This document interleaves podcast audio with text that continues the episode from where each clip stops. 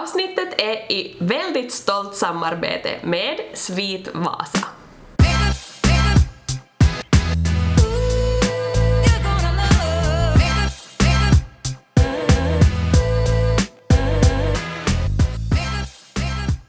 Jag har saknat oss. När släppte vi senaste avsnitt? En månad sedan? Ja, det är säkert en månad sedan. Alltså vi, vi har ju nog försökt nu, fast vi bor så här långt ifrån varandra, att banda in med jämna mellanrum ändå, men nu blev det från senast en lite längre paus, så det är jätte, jättekul att vara tillbaka här idag. Den som väntar på något gott. och så vidare. Och det här är ett avsnitt som jag faktiskt har väntat på att spela in jätte, jättelänge, ända sedan vi kom på den här idén. Det är ju länge sedan vi, vi hade den här idén faktiskt. Och, Ja. eh, ja. Vi har hunnit fundera på vad vi vill säga och lyft fram och, och nu för en gångs skull så har ju du också faktiskt mycket anteckningar här framför dig. Jag brukar ta det lite ur huvudet sådär, men nu har jag faktiskt så mycket att säga att jag måste anteckna jag också. Men vi kör väl igång då. Ehm, som namnet på avsnittet lyder tänkte vi idag prata om självförtroende, självkänsla och skönhetsoperationer. Och jag tänkte faktiskt börja med att testa dig lite. Okej. Ehm, I och med att jag antar att vi kommer att glida in på att självkänsla, självförtroende och så vidare kan ha ganska mycket att göra med skönhetsoperationer så ska vi börja med några definitioner. Så nu Carolina Åsmus frågar jag dig att hur skulle du definiera självkänsla? Alltså, självkänsla är ju hur man upplever sig själv, hur man ser på sig själv och vad man...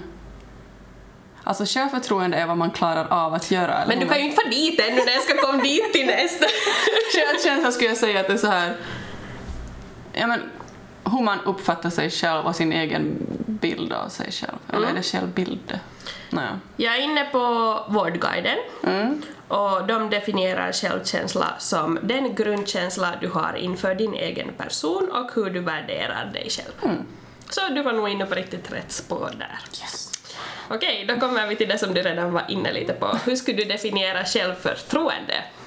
Men det är det att man kan ha ett bra självförtroende men en dålig självkänsla.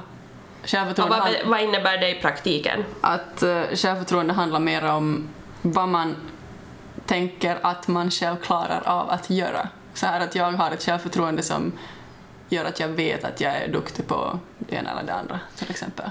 Så vi kan till exempel säga så här då att om man vet att man är jättebra på att springa så kan man tänka att jag klarar nog av att springa ett maraton men så tycker man ändå inte om hur man är som person. Så då har man en dålig självkänsla men ett bra självförtroende. Ja. Vår guiden säger att ha ett bra självförtroende handlar om hur bra du tror att du klarar av olika saker. Och som du sa så är nästa mening här, men bra självförtroende behöver inte innebära att du också har en stabil självkänsla.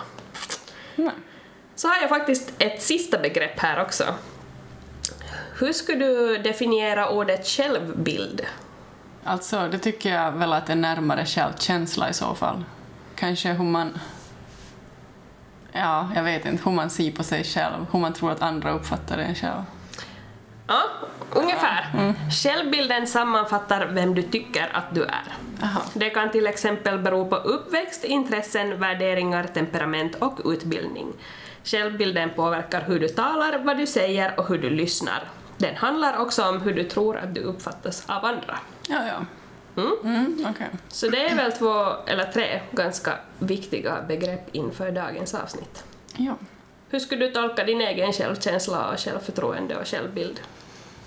Ah, oj. ehm, ja, det här... skulle säga att jag har ett bättre självförtroende än självkänsla. Men jag har, Oj, skulle du? Ja, det skulle jag nog Okej. säga. Jag, men jag, jag, jag, jag skulle inte säga heller att jag har en dålig självkänsla. Men att jag är ändå så här, jag har lättare att vara säker på mig själv då det gäller att göra någonting. Jag har lättare att, ja men så här, om man, om man jämför sig med andra så då har man väl, mm, är är man mera benägen att ha en dålig självkänsla. Mm. Typ så. Så jag tror att, mm. Mm. Vad tycker du om din självbild då? Tycker du att du har en så här realistisk bild av vem du är? Ja, men det tror jag. Ja. Det är ju så här i, i tonåren så kanske man är lite rörig med sin självbild och vet inte vem man är. Mm. Men sen så skapar man ju sin identitet lite genom hela livet egentligen. Och nu känner jag mig nog väldigt sådär stabil i mig själv. Så att, ja. Men jag ser nog på dig som någon som har väldigt bra självkänsla, självförtroende och självbild. Det känns som att du, du vet vem du är och du är nöjd med det. Ja, men det är jag väl nog. Ja men du ju bra självkänsla. Ja, jo, jo, men av de tre så tror jag att det är självkänslan. Om jag skulle måste jobba på någon av dem, säg så, så då, är det, då är det den som skulle vara den som jag får lite pusha på ännu. Du då, det är svåra frågor, nu måste du också svara på dem. som du sa, svår fråga. Jag tycker inte jag har något enkelt svar på de här utan att no, min självbild tycker jag är ganska klar. Att jag vet nog vem jag är och jag tror att jag vet ganska bra varför jag är som jag är och så vidare. Men ähm, självförtroende skulle jag säga att varierar väldigt mycket enligt vad saken gäller. Och min självkänsla varierar oftast väldigt mycket enligt var jag är i hormonperioden. också sant, också sant. Det där är ju, man känner ju ibland sig helt on top of the world mm. och sen nästa vecka så bara gråter man. Och så ja, dagen därpå, aha, okej, okay, det var därför. Men jag skulle nog säga, som du också, att jag tror jag har bättre självförtroende än, eh, självkänsla. Men att min självkänsla är väl nog då enligt vad som Vårdguiden skulle kallas för ostabil självkänsla. ja, så på vilket sätt då? No, men just sådär att ibland tänker jag att jag är nog en som bra människa och jag är bra som jag är och det är nu så här jag är och jag har som accepterat det. Men sen vissa dagar så känner man ju sig som världens sämsta. Ändå. Ja. Jag, jag är faktiskt sådär att jag kritiserar inte mig själv för hur jag är utan för mig så handlar det nog alla gånger då min självkänsla går i botten så handlar det om utseende. Mm. Eller så här, eller lite så här, jag känner mig typ, jag har inte tagit hand om min kropp som jag borde och så här, men det är inte på det sättet, jag, jag känner inte mig som en dålig människa. Det där skulle inte jag säga att jag så ofta liksom faller ner på att jag skulle hacka på mig själv för att jag inte är tillräckligt bra om mig själv men det tycker jag talar säkert just för att min självkänsla inte är så stabil är att äh, när allting går bra och som planerat så då tycker jag som om mig själv och är sådär att jo, jag är nog riktigt bra men sen genast någonting skiter sig eller inte går som planerat så tar jag som vänder det väldigt lätt till att jag börjar hacka på mig själv. Mm att jag är dålig när jag inte kunde göra det här och, som, och så vidare. Så. Mm. Mm. Men när det gäller det här tredje ordet vi har med i dagens rubrik, det vill säga skönhetsoperationer, så kände jag att det var ett ämne som vi borde prata om efter att jag faktiskt hade läst ett inlägg hos bloggbevakning som kom ut för en tid sedan.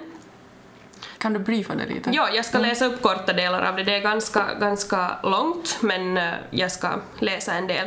För er som vill läsa hela så kan ni alltså googla på bloggbevakning och tack Tina för din kommentar, så borde ni hitta det här inlägget. Men då är det en tjej som skriver att hon, eh, hon vill berätta om sin senaste resa till Turkiet för att det var en chock för henne. Och så skriver hon så här. För sex månader sen berättade min bästa vän att hon ska åka till Istanbul och operera rumpan då alla gör det och det är inne med rumpa nu.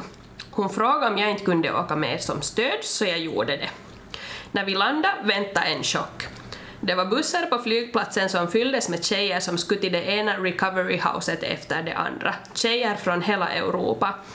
När vi kom fram till hotellet var det tjejer överallt med dränering som de gick runt med nedstoppat i väskan, blodslangar som gick ur deras kroppar och små behållare fyllda med blod som de la i väskan.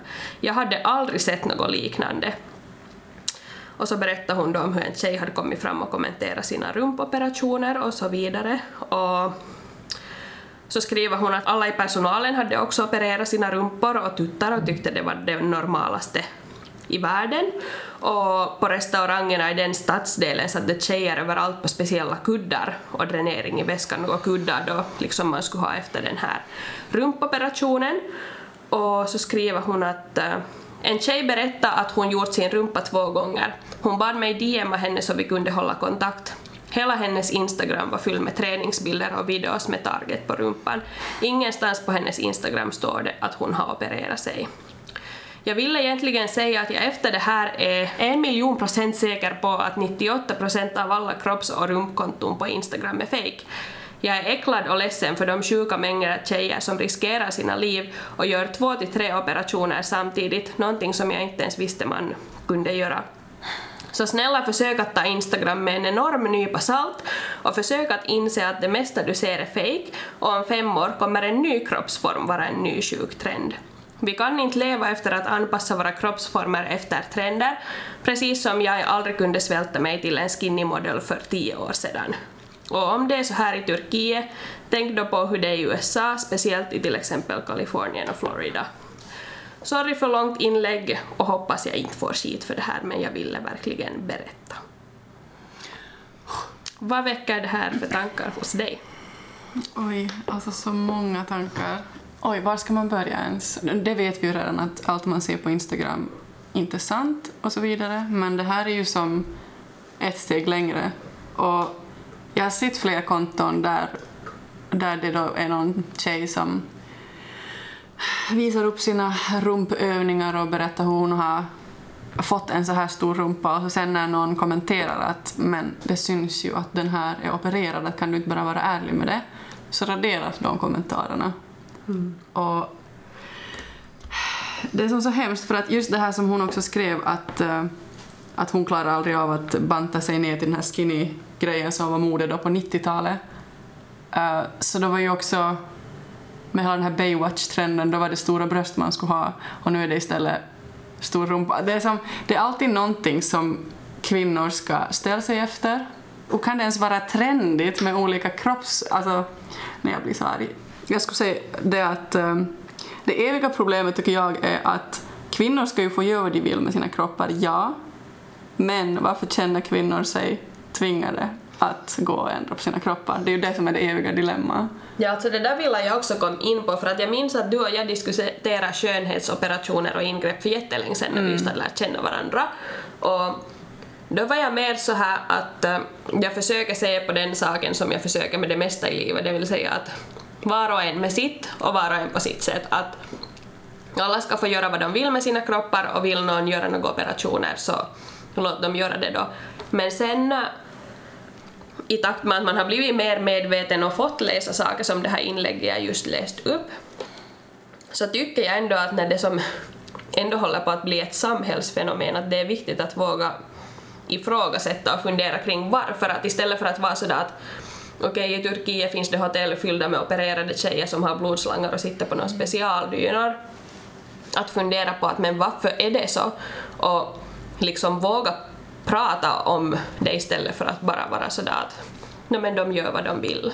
Typ. Exakt, jag tycker det där är så himla svårt för att argumentet är ju då ofta det här att man gör det för sin egen skull och så här men, men det är ju inte, i grund och botten är det ju inte sant. Alltså jo, man gör det kanske för att man kanske har dålig självkänsla då och vill att man ska börja må bättre över sin kropp men vem är det som har satt de tankarna i ens huvud? Jag minns den här diskussionen, den var het i bloggvärlden för några år sedan. Och, och då sa jag det, folk blev jättearga på mig då, men så här att om man skulle bo ute på en öde ö inte skulle du där börja hitta på att nu måste jag nog börja proppa in några meloner här vet du i, i rumpan liksom. För, för liksom, va, inte gör man ju det för sig själv, man gör det för andra. Så Men vet du vad jag tycker är det krångliga i det där? No. Varför jag själv också har varit lite sådär på gränsen för att prata om det här. Mm. För att man använder ju smink. Jag har färgat håret. Jag vill ha såna kläder jag tycker om att se bra ut och så vidare. Att uh, skönhetsoperationer och skönhetsingrepp handlar ju om att förändra sitt utseende. Men det gör ju de allra flesta man känner med ännu små, mindre liksom medel också. Men då har jag kommit fram till att att för mig personligen så tycker jag att äh, det finns en skillnad på att framhäva och förändra. Mm. Och att alla sådana här, liksom om jag då vet du typ tonar mitt hår en färg som jag tycker framhäver mitt ansikte mera, eller whatever, så då framhäver jag och då använder jag någonting jag redan har till att vet du, göra det bättre. Men går jag och sätter i en massa extensions och typ vet du, lösögonfransar, mikroblader, vad som helst, så då är det en yttre faktor jag tar till för att mm. förbättra mig själv. Och där, där har jag försökt hålla den här gränsen för mig. Nu säger inte jag att, att jag tycker att alla som förlänger sina ögonfransar eller använder extensions eller någonting att, att de ska vara dumma och gör fel. Men för mig så tror jag att, att det är så lätt sådär att mycket vill ha mer. Mm Och att då om jag börjar med det ena så blir det sen till det andra så blir det och sen plötsligt är den där trögan till att lägga sig under kniven jättelåg. Och att där borde väl ändå gränsen gå när man riskerar sitt liv för att ändra sitt utseende. Alltså, ja, det där har jag tänkt på att jag skulle annars nog ha lagat lösögonfransar någon gång för jag tycker det skulle vara så otroligt skönt. Men också det att vänjer man sig med det så då tror jag att man skulle aldrig kunna riktigt vara utan det. Mm. Äh, Men jag kan nog som erkänna att jo, jag sminkar mig och fixar hår och sånt men alltså jo, jag gör ju det för att jag trivs bättre så. Men nu gör jag ju det för alltså för utseendets Ja, skull, för att hur andra ser på mig så är det ju nog, det kan jag nog erkänna. Men då är också smink ändå någonting sånt som du tvättar bort när dagen är slut, så du finns ju ännu liksom kvar där. Men om du opererar in någonting i ditt kropp så då är det ju någonting du har liksom hela tiden. Det är ju som ett... Ja. Nå, jag vet, man kan ju ta ut dem och grejer, men det är ju ändå ett mer eller mindre permanent beslut och där är det väl också lite vad jag menar med att framhäva eller förändra. Att om du då sminkar dig som till fest för att framhäva dig själv på festen så är det inte ändå samma sak som att ta ett beslut om att du permanent ska ändra din kropp och riskera ditt liv. Ja, nej gud. På kuppen. Det pratas inte heller så mycket om hur otroligt stora risker det är med det och hur många som får komplikationer efteråt, Ja, några år senare. Hon skrev den här inlägget också att hennes vän fick problem med blodförlust sen i samband med det här. Och inte vet jag alltså i, i vårt tredje poddavsnitt Du måste inte älska dig själv först så pratar vi också ganska mycket om hur vi ser på oss själva och jag berättade att jag inte alltid är så jättenöjd med mitt utseende och, och så här. Men jag, då är ju den knepiga frågan där att, att ska jag kämpa mellan att lära mig acceptera mig själv eller bara gå och förändra mig själv. För om jag skulle ta det beslutet så skulle jag ju liksom så här bara kunna gå och mikroblada brynen, jag skulle kunna gå och bleka tänderna, jag skulle kunna fixa fransförlängning, jag skulle kunna gå och fettsuga mig. Alltså man kan ju göra det var som helst nu för tiden. Och det är ju som, det är så lättillgängligt på något sätt och så normaliserat att, att då förstår jag som att folks självkänsla blir uppfackad när man som måste balansera på den där tråden hela tiden, att man kämpar med att lära sig acceptera sig själv, men sen ändå är det något jävla plastikkakirurgit som börjar följa en på Instagram med sin jävla reklam om hur billigt det skulle vara, att bara det där man har komplex över att man skulle bara kunna få dit och fixa det liksom. Alltså jag såg, eh, jag har aldrig ens gått i de tankarna men det var en tjej som jag följer som började göra reklam för någon klinik. Och bara klickade in mig där och såg en massa grejer som jag som inte ens hade tänkt på att man kan göra åt sig själv. Så jag sa oj. Och för en sekund tänkte jag nej men det där skulle jag så bara, Nej, nej, nej, nej. Att jag vill inte se det här, jag vill inte ha de här tankarna. Och ah, usch, jag tycker det är så hemskt att man liksom gör pengar på folks ja, dåliga självkänsla. Och det är inte bara operationer utan, utan också alla liksom knäppa dieter och pulver och allting som hittas på som oftast riktas mot kvinnor. För att vi ska som vara så jävla missnöjda med oss själva att pe- människor ska kunna göra pengar på det. Jag var ju och kollade på Celeste Barbers show för någon månad sedan. Om det är någon av er som inte är bekant med henne för, så gå in och följ på Instagram Celeste Barber. Världens roligaste kvinna som samtidigt lyckas baka in så jävla jävla många visdomar och viktiga tankeställningar och, och så vidare. Men hon på hennes show, så jag fick rysningar genom hela kroppen och jag har för mig att de flesta steg upp och applåderade när hon sa att eh, hon får dagligen, trots att hennes konto handlar om att hon visar hur liksom hennes kropp ser ut och att det är okej att visa upp den fast den inte ser ut som Instagram-normen då. Men så sa hon att trots det får hon dagligen förslag av företag som vill sälja in bantningspulver och bantningsmedel åt, åt henne och så här. Och då sa hon att hon har en mening som hon svarar åt alla de här företagen. Och det var att I will never support companies trying to convince women that they should look a certain way to feel a certain way. Oj, oj, oj. Jag fick riktigt vet du, sådär, jag bara där satt den alltså. Bästa man har hört Mm, ändå. Fan vad bra.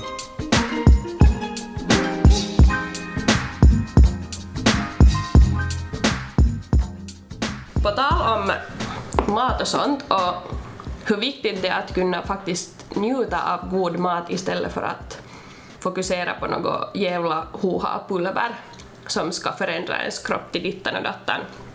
skulle vi kunna gå över till vår nya sponsor. Eller vad säger du? Ja, det tycker jag vi ska göra. Det är ju jätteviktigt för oss att ha sponsorer vi verkligen gillar och, och står bakom. Och jag tror att alla som känner mig vet att mer äkta än så här blir det inte. Alla som känner mig vet hur mycket jag älskar det här stället och jag tror att du också är ett ganska stort fan av det. Absolut. Alltså det var en av de bästa 25-årspresenterna jag fick var ett presentkort till dem. Det var det första stället jag ville visa mina Helsingforskompisar när de kom hit på besök. Det var det första stället jag for till när jag kom hit med tåget i torsdags. Vilket ställe pratar jag om? Sweet Vasa. A.k.a. kanske världens bästa café. Det är nog faktiskt ett av de bättre. Kommer du på ett enda café som du någonsin har tänkt att det här är bättre? Nej. Det är nog mitt go-to-café här också, alltså absolut. Alltså det är ju inte bara ens go-to-café här utan det är ju som... Man hittar inte något café som toppar det. De, det är alltså ett café i Vasa centrum. Ska vi ta fram adressen härifrån också? Jag tror att det är på Hovrätts Esplanaden. Mm. Ska jag visa på 13? 11. Bra gissning! ett skitsnyggt café på Hovrättsesplanaden för de som är visuella av sig också. Såna som du. Mysigt, snyggt, Instagramvänligt och bara en härlig så här atmosfär. Mm. Och fast det är fint och så här så är ju ändå det viktigaste maten och vad de erbjuder. Och maten. Alltså... jag blir som nästan... glömmer mig bort när jag ska prata om det här. Jag är lite tårögd. Mm. Men mina två favoriter i matväg är ju deras laxsallad och sen har de som här wraps som man själv får bestämma ingredienserna i och då brukar jag välja kyckling och getost och så kommer det en massa annat till. Och det är så gott och det är så fräscht och alltså det var det som jag brukar hämta när jag jobbar i Vasa och skulle hämta lunch. Så hämtade jag därifrån och nu har vi faktiskt en en sån tradition när jag bor i Helsingfors att alltid när jag kommer hem och hälsar på så brukar det vänta en laxsallad i kylen på mig som mamma och pappa har varit efter. Oj, vad härligt. Har du smakat på deras sallader? Jo, men jag har tagit caesarsalladen och jag är en sån när jag hittar någonting som jag tycker om så då byter jag inte ut det. Så jag har tagit caesarsallad varje gång jag har ätit det. um, och varje gång jag tar någonting sött så är det key lime pajen jag tar. Den är så himla god. Alla som känner mig vet att jag älskar allt med lime och citron och alltså, åh, den är så fantastisk. Jag smakade ju också på den den där gången när vi får ut till vår villa med några tjejkompisar och då hämtade vi ju som från Svit Vasa, köpte vi typ en av varje kakbit från deras hela sortiment och hade som kaksmakning på vår villa och det var nog jätte jätte jätte nice och då smakade jag på den där key lime-pajen och den var nog skitgod. Fem av fem. Men min favorit är ju surprise surprise deras chokladkaka. Eller de har några olika men en av dem så den är nog riktigt, riktigt den där favoriten. Men det vill jag ännu säga om den där salladen, när du sa att du brukar ta caesarsalladen. Är den som laxsalladen att den är jättemättande? Ja, alltså ja. För vanligtvis om jag äter sallad så är jag ju hungrig och arg efter två timmar igen. Jo, jo, nej, nej, jag brukar inte orka äta den till slut ens för den är så pass maffig. Då, då, alltså, ja, jag håller med. Alltså man hålls mätt och det är faktiskt så här riktigt rediga. Riktigt ordentligt. Alltså, det, är, det är en lunch som man håller, liksom, håller sig mätt på. Och så får man ju med deras det här skitgoda brödet också när man beställer en Ja. sallad. Bara gå till Svit Vasa om inte ni har varit dit ännu. Så ta till efterrätt. Och så kan jag också rekommendera, i somras smakade jag på deras iste för första gången och den var också jätte, jättegod och den kom i en sån här vet du, Instagram-vänlig burk, eller vad man nu ska kalla det. Jo, de har en kakao också förresten som är så... Jag har aldrig sett något så snyggt i hela mitt liv. Vårt sponsortal tar aldrig slut här. Nej, men där vet ni vad ni ska beställa. En sallad, en kakbit och en iste eller kakao. Yes. Tack Sweet Vasa. Tack för att ni sponsrar oss.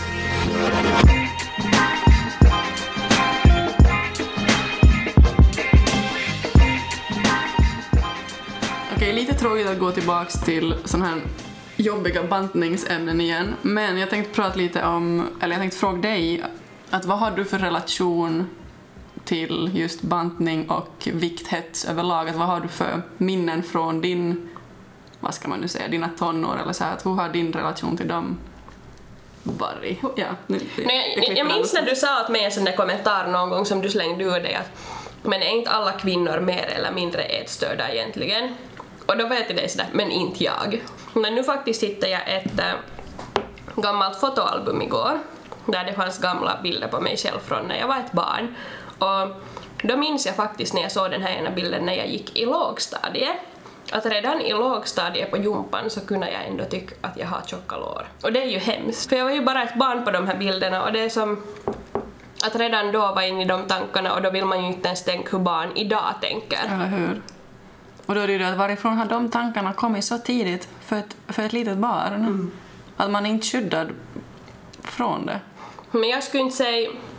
Jag har aldrig, förutom ur liksom hälsoperspektiv, gått på några olika dieter. Alltså jag har aldrig gått på någon diet i det syfte att jag ska gå ner i vikt. Och jag tycker som sagt att mat är någonting man ska njuta av, att samtidigt som jag försöker tänka på att äta mycket sånt som är, är bra för kroppen och så vidare så tycker jag också att man måste få äta sånt som man kort och gott tycker är gott. Och det är inte någonting som jag tydligt nog någonsin har gått omkring och funderat på efteråt sen eller haft dåligt samvete utan jag tycker att jag nog har ett ganska hälsosamt förhållningssätt till mat och det är jag jättetacksam för för att jag vet att, att det skulle ha kunnat vara väldigt annorlunda också. Hur är det med dig? Ja, alltså jag har nog haft lite lite så här, ganska guppigt förhållande till mat faktiskt.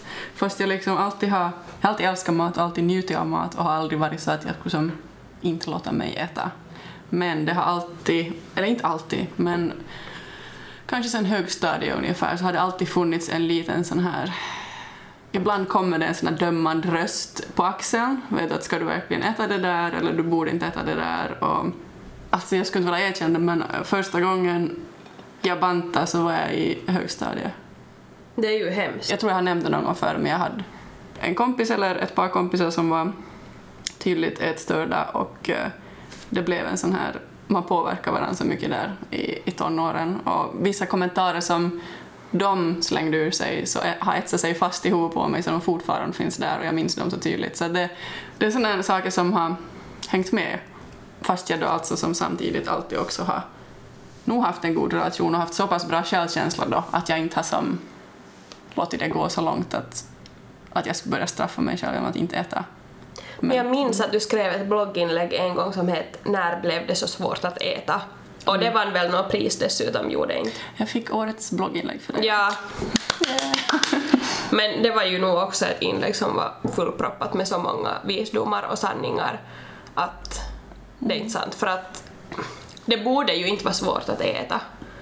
Nej, men Ja. det är jävligt komplicerat.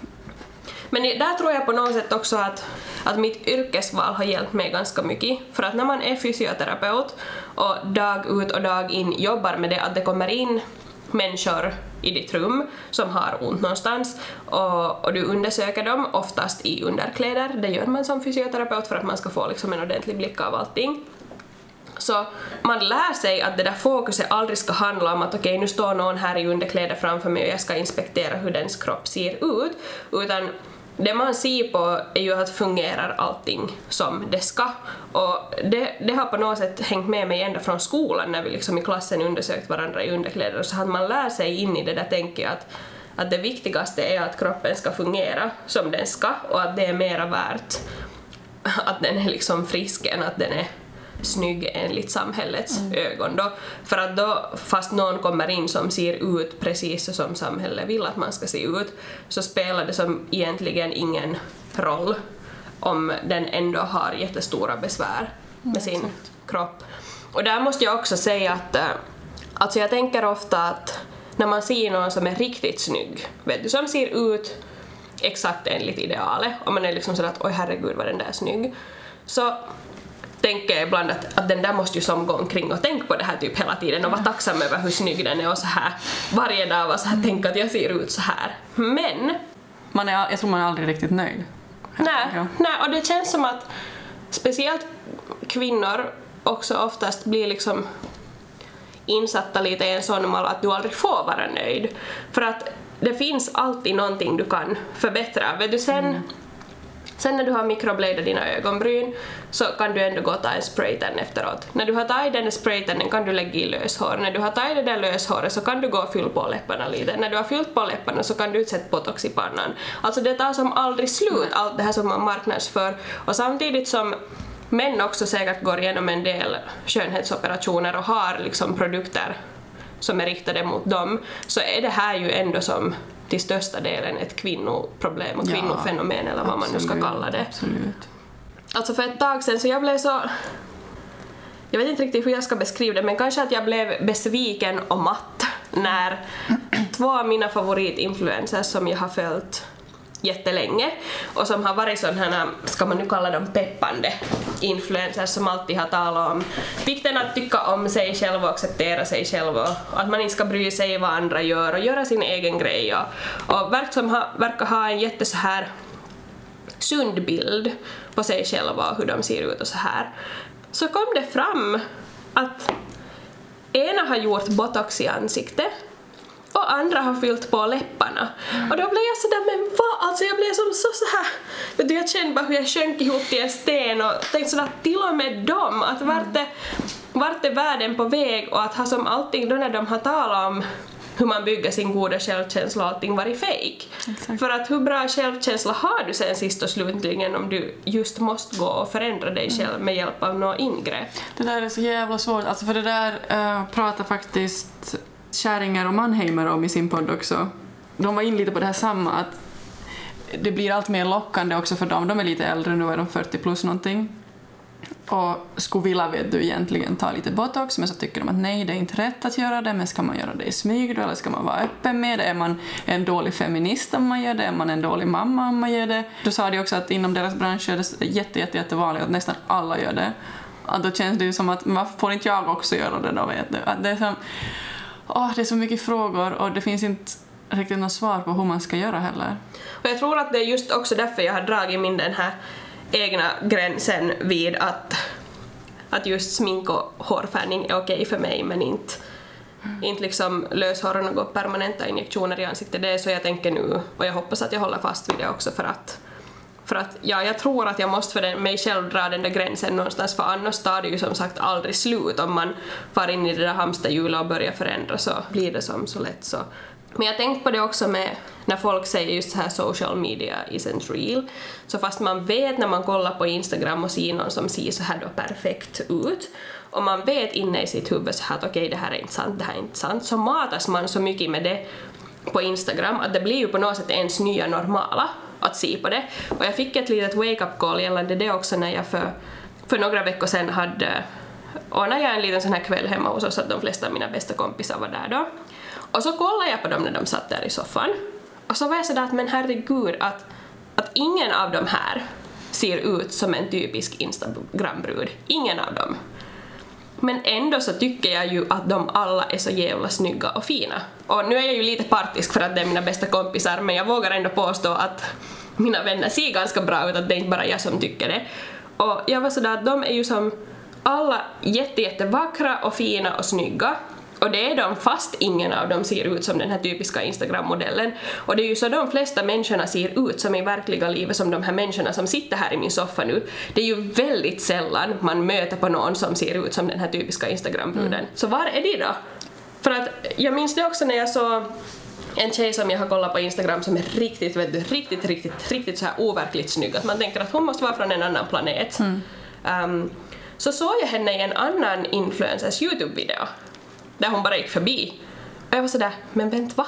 Det var inte det att hon var ful, nej. men det var det att hon såg ut som en helt vanlig människa Exakt. i den här videon. Exakt. När någon annan filmade henne och inte, hon inte själv hade chansen säkert att redigera och använda alla vinklar och vad man nu gör. Ja, ja. Hon såg ut som en helt vanlig människa, så så här som du och jag ser ut. Det där har hänt mig också på ett par gånger. Det är till och med finska influencers som jag har sett bara på bild då och tänkt att åh herregud, att just de här måste skapas i fabrik någonstans vet du. Och sen så såg jag dem på stan en gång så jag skulle inte ha känt igen dem.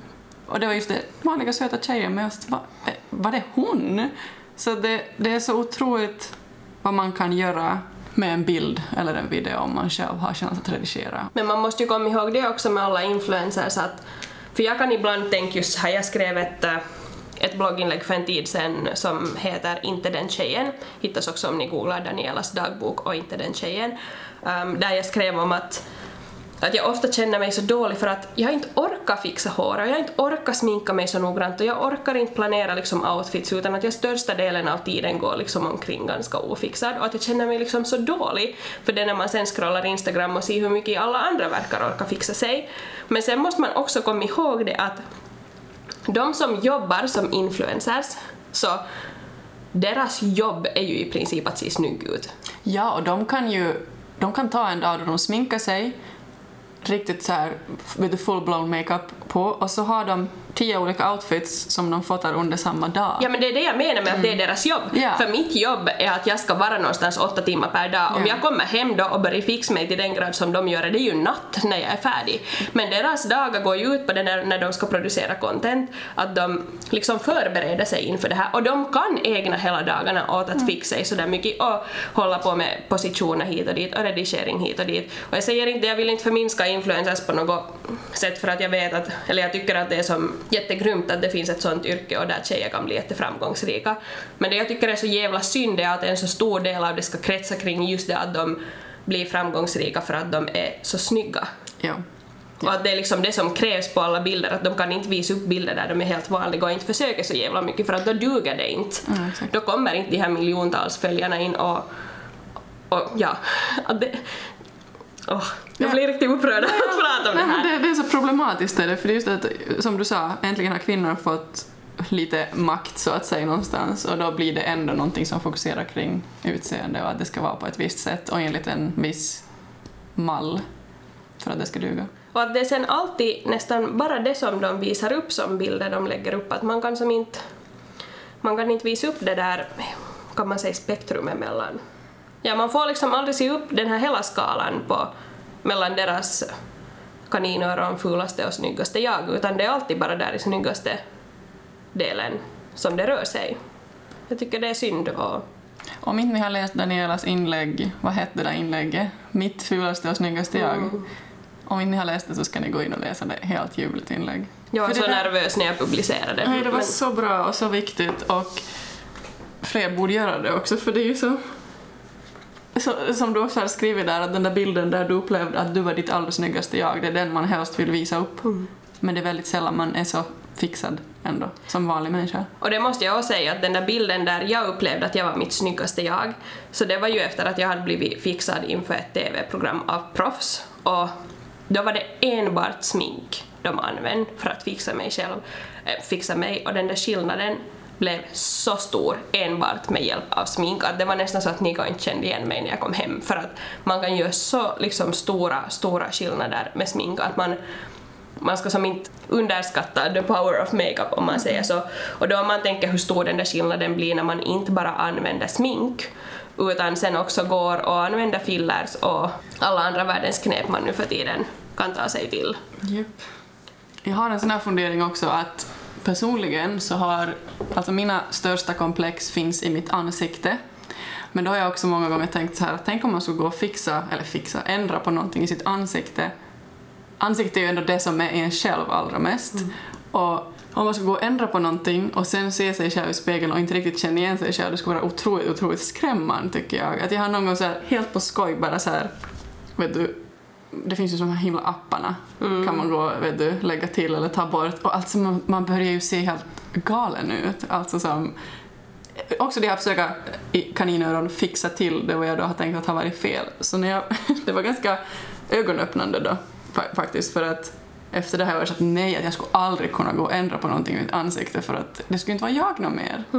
Ja, men då hade du ju istället för att valt att förändra dig själv, hade du ju valt att acceptera dig själv. Ja, ja så behöver man inte vara då 100% nöjd varje dag, men jag menar hellre då att man är sig själv i alla fall, än att man inte skulle känna igen sig själv när man tittar i spegeln. Verkligen. Och ja, alltså nu kanske det låter som när vi sitter här och pratar att vi liksom på något sätt så här mm, försöker snacka skit om alla de som inte accepterar sig själv utan går och förändrar sig istället och så här men det är liksom inte vår poäng utan utan vi kämpar också mycket och ibland varje dag med att acceptera oss själva det är inte så jävla lätt nu för tiden och jag tänker speciellt på när jag till exempel ska gå och prova kläder så jag vill inte nästan prova byxorna mera för att det händer jätteofta att att jag tar den största storleken som finns i butiken och jag får inte dem ens över mina vader. Och jag menar, jag vet att jag är ganska kraftig och jag har alltid haft som jättekraftiga ben men jag tycker ändå inte att mina vader kan motsvara största möjliga lår som finns. Och då blir man ju nog så här, vet du, om man har XXL i handen och inte får dem över sina vader, så då, då får man, alltså det är nog en tuff kamp man har inne i sitt huvud då. Men Det visar också hur skevt det är med de här jävla storlekarna. Ja, men det var ändå en liten tröst när jag efter det så, så gjorde jag en undersökning en gång på Instagram um, där jag frågade om folk känner ett behov av att dra in magen på stranden. För att det var en sak som jag la märke till, speciellt senast när vi var på resa på stranden. Jag hade så nice där på stranden, jag tyckte det var så skönt och liksom så härligt att simma och allting. Men när jag började titta mig omkring så såg jag som hur jätte, jättemånga speciellt då tjejer, gick omkring och drog in magen. Och jag vet inte om det är just fysioterapeutiska öga eller om det är någonting som alla människor ser, men jag tycker att man ser väldigt tydligt när folk drar in magen, hur det ser ut. Och jag blev på något sätt så upprörd av det här att det som folk fokuserade på på stranden var att de gick omkring och drog in magen istället för att tänka på hur nice det är. Så jag gjorde en undersökning på Instagram där jag frågade om eh, folk känner ett behov av att dra in magen på stranden. Och det var alltså långt över hälften som svarade ja. Och då var det också liksom människor som jag har trott att ha världens bästa självkänsla och självförtroende som svarar ja. Det var folk som ser ut exakt så som samhället vill att man ska se ut som svarar ja. Och det var liksom en sån blandad skara killar, tjejer, äldre, yngre, allting som svarar att de känner ett behov av att dra in magen på stranden. Och samtidigt som det ju var ett hemskt resultat, för det var över hundra liksom människor som svarade. Så bara bland mina följare finns det ju minst då ungefär 60 till 70 pers som går omkring och drar in magen, så tänk hur många det finns då liksom i Finland eller hela världen. Men samtidigt som det var hemskt så, så tyckte jag ändå på något sätt att det var en liten tröst att, eh, att veta att man är inte själv och kämpa med det här och att vi skulle ju alla bara kunna sluta. För alla går ju omkring och funderar på samma sak. Jag tänkte just säga det då du berättade här att allihopa mår dåligt över sig själv i någon mån. Och herregud vad vi slösar tid på det. Tänk vad många timmar man har lagt på att vara negativ mot sig själv. Man blir som riktigt matta av att tänka på det men samtidigt så, så var det ändå skönt sådär. Tänk om man bara skulle sluta. Ja, nu sitter jag här och lutar mig fram över bordet och min mage hänger så in i Norden men det är ändå skönt att som istället för att noja över det kunna vara glad över att vi poddar igen. Mm. Ska vi avsluta med de orden? Jag tycker vi avslutar med de orden. Far till Svit Vasa ät kaka. Och håll inte in magen. Tack för oss! tack, tack.